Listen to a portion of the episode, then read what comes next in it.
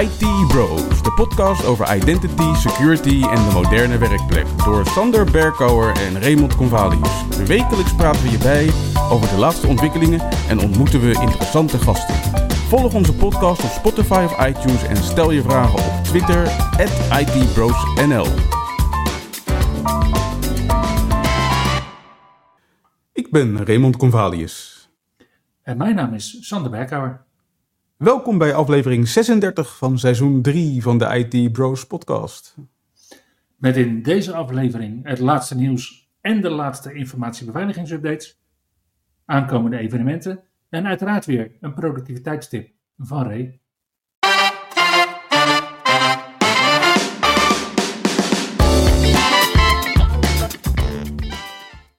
Net als twee weken geleden beginnen we met het Windows 11 nieuws. En Ray, waren er Windows nieuwtjes? Hmm, beperkt. Hè? Het is twee weken geleden dat we voor het laatst wat hebben opgenomen. En sinds die tijd is er maar één nieuwe Windows Insider release uitgekomen. En dat is in het Dev Channel release 23560. En de nieuwe feature in die release gaat over Copilot.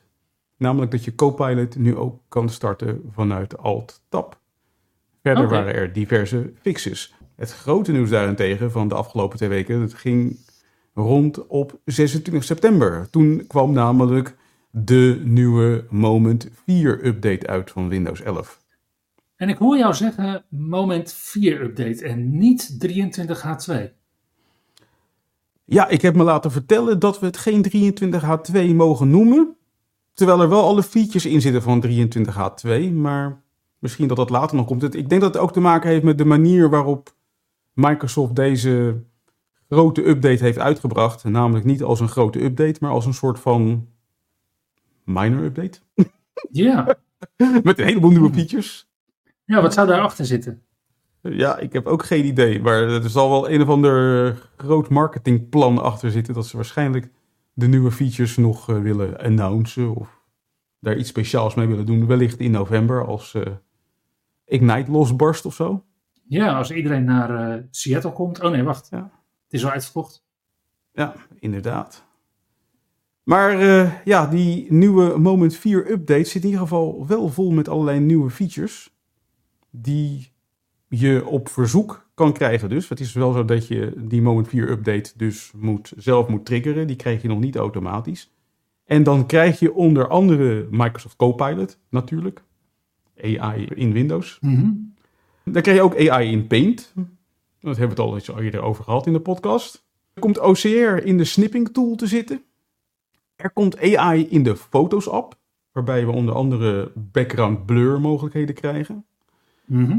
Clipchamp krijgt een update met onder andere wat ze noemen autocompose. Dus hij gaat je helpen om je filmpjes samen te stellen. Oké, klinkt als AI. Inderdaad. Ja, je raadt het niet. En wat opties die lang verwachte en lang gewenste waren door sommige mensen, zoals eh, Never Combine Taskbar Items. Mhm. Een nieuwe app voor de backup. Een modernere File Explorer met Gallery View. Notepad met autosave. Wel een hele prettige, vind ik zelf. Zeker. De nieuwe Outlook app. Voor iedereen. Ook als je geen Ja. Licentie hebt. Precies. In plaats van de ingebouwde mail app. Precies. En support voor een aantal nieuwe archiving of archiveringsformaten. Zoals 7Z, RAR, GZ, TAR, BZ2 en TGZ. En een aantal eh, ja, developer features onder de noemer Developer Home en Developer Drive voor developers die daarmee eh, onder andere Resilient File System tot hun beschikking krijgen. En als laatste krijg je dan ook nog Windows Passkey Manager cadeau in deze update.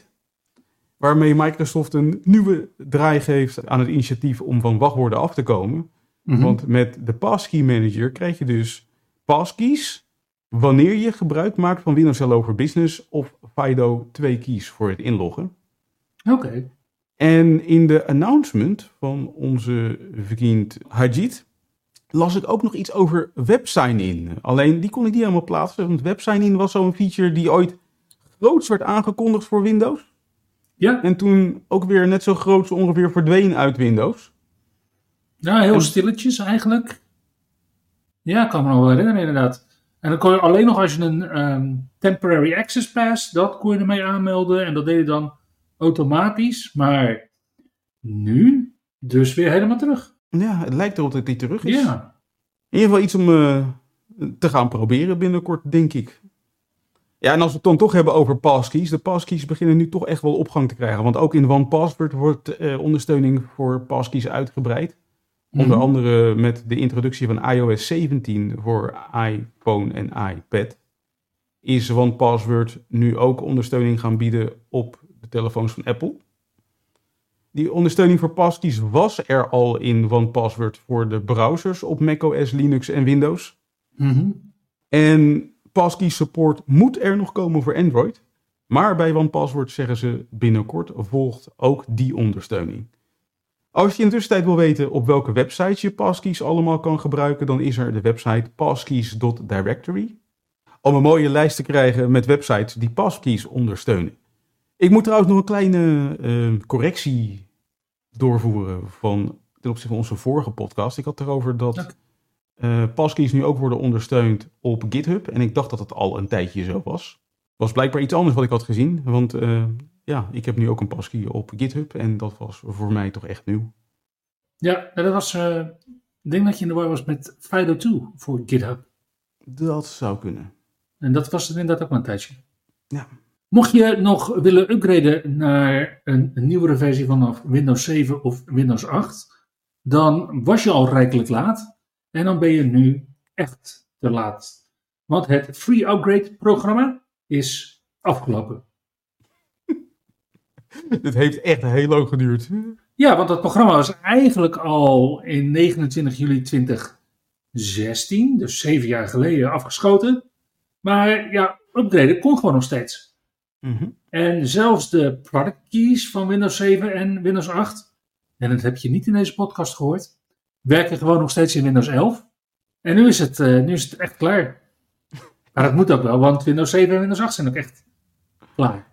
Ja, nou ja, het is klaar. Het is in ieder geval het is aangekondigd dat het klaar is. En, dat, en die aankondiging was te vinden op de Microsoft Device Partner Center.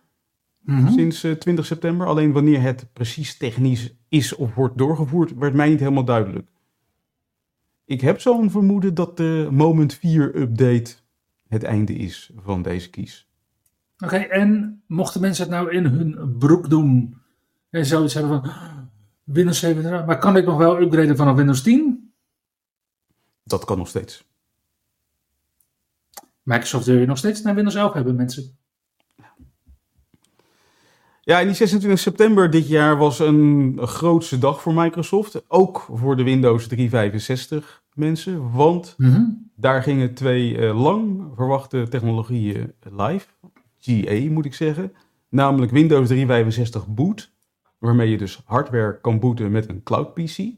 Yep. En Windows 365 Switch.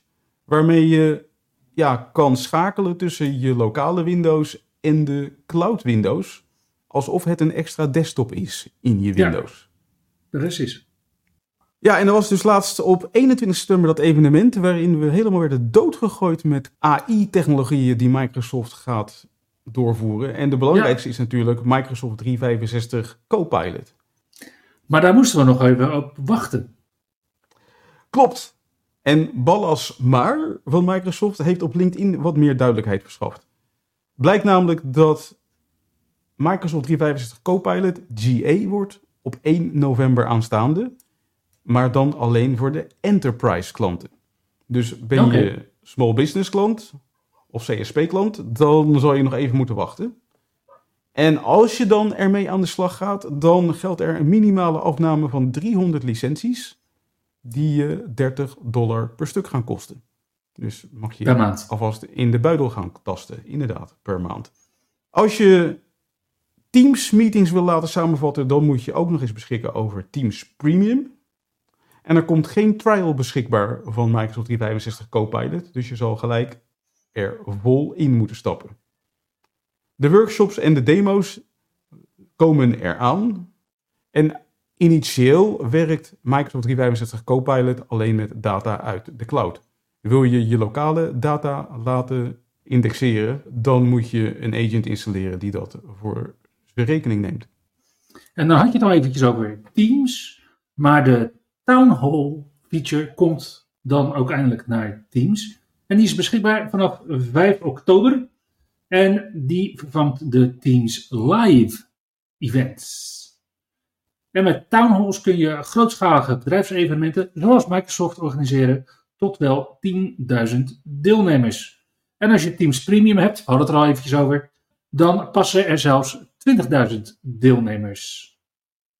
Uiteraard is er integratie voor third-party content delivery networks en een green room als virtuele backstage. Voor zo'n town hall kun je uiteraard gebruik maken van live ondertiteling, rollen voor deelnemers, uh, er zijn mail templates en ja, mocht je heel verknocht zijn aan Teams live events, dan is het ook wel belangrijk om te weten dat die functionaliteit per 30 september 2024 stopt. Ja, en natuurlijk is dit jaar het jaar geworden van de artificial intelligence, oftewel AI. Mhm. En daar hebben we met name de initiatieven voorbij zien komen van Microsoft en Google. Waarbij Microsoft eh, uitgebreid in zee is gegaan met OpenAI. En Google volgens mij zelfstandig de ontwikkelingen aan is gegaan. En de andere grote cloudpartij, daar hadden we nog maar heel weinig van gehoord. Ja, en dan hebben we het over... Amazon. Uiteraard. En niet over Alibaba mensen.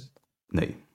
En Amazon blijkt nu in zee te gaan met Anthropic. Alright. En Anthropic, dat is een start-up, ook uit San Francisco area. Waar Amazon nu onlangs een strategische samenwerking mee heeft aangekondigd. En waar ze van hebben aangekondigd dat ze voor 4 miljard dollar gaan investeren in deze partij. Mhm. En dat Anthropic strategisch gebruik gaat maken van de technologie van AWS. Ja, dan hebben we het dus over die Tranium en Inferentia chips. Ja. Cool. En AWS wordt uiteraard de primary cloud provider voor Anthropic.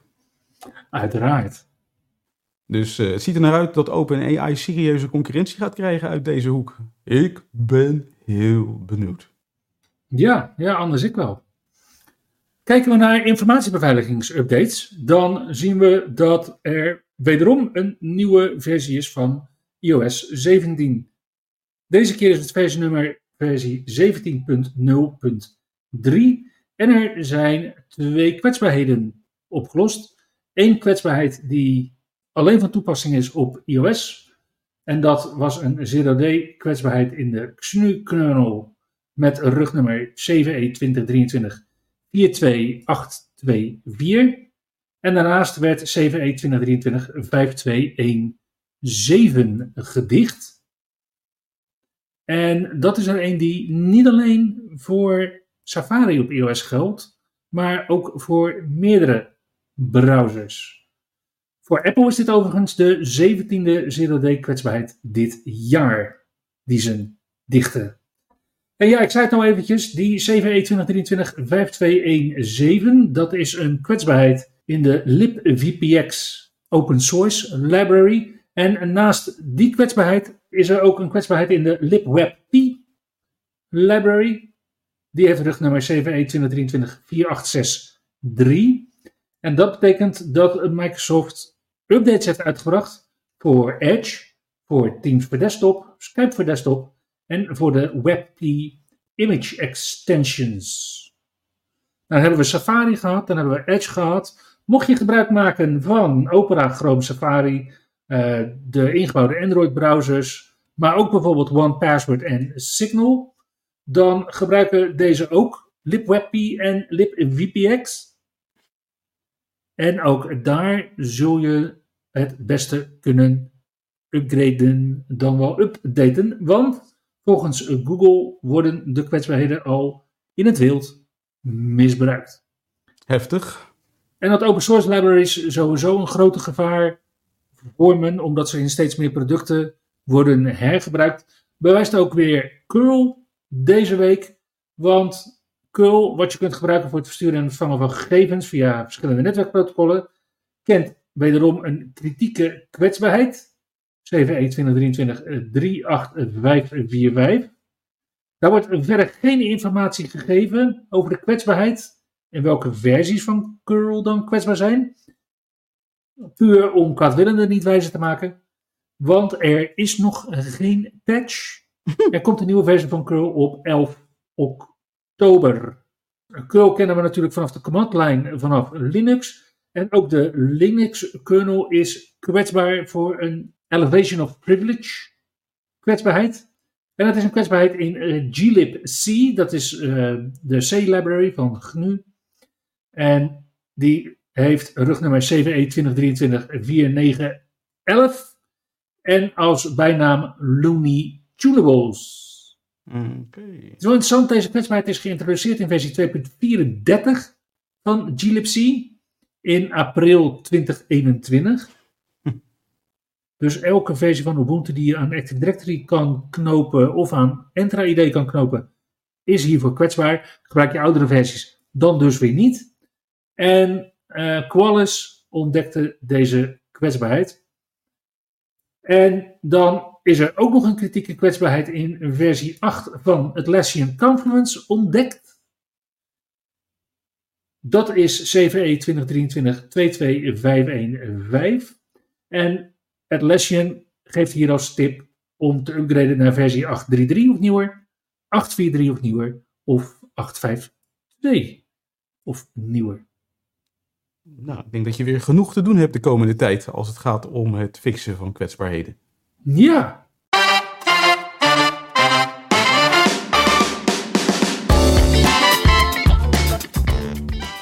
Tijdens het bespreken van evenementen bespreken we ook regelmatig evenementen in het buitenland.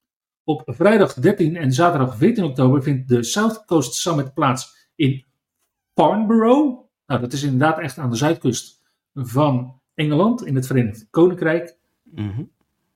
En als we dan dichter bij huis kijken, zien we eigenlijk één evenement op donderdag 12 oktober vanaf 6 uur s avonds vanuit de Dutch Information Worker User Group, de DWUG. En zij organiseren een meetup bij Delta N in Den Haag, waar je tijdens de eerste sessie na het eten kunt genieten van een sessie over cross-tenant synchronization. En bij de tweede sessie, vlak voor de afsluiting een borrel, van een sessie waar je wordt uitgelegd hoe je in vijf stappen maatwerk kunt bouwen met Microsoft Lists. Interessante materie. Zeker weten. En uiteraard, vanaf 9 uur kan je afsluiten met een borrel.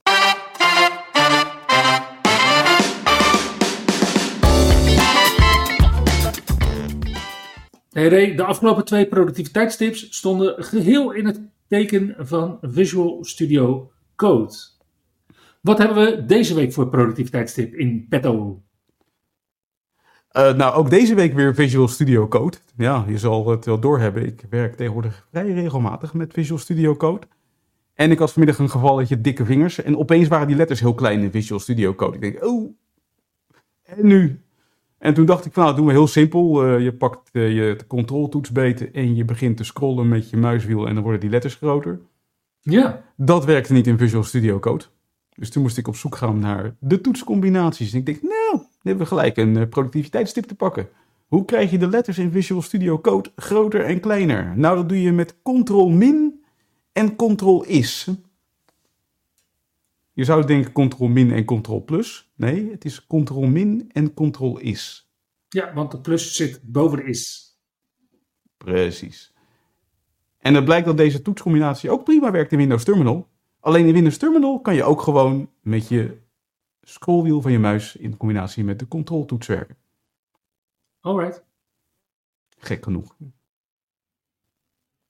Misschien wat huiswerk voor de ontwikkelaars van Visual Studio Code. En deze productiviteitstip is natuurlijk ook onwijs handig voor al onze presenteervrienden die op deze manier ook hun inhoud in Visual Studio Code daadwerkelijk leesbaar kunnen maken voor ja, de paupers helemaal achter in de zaal.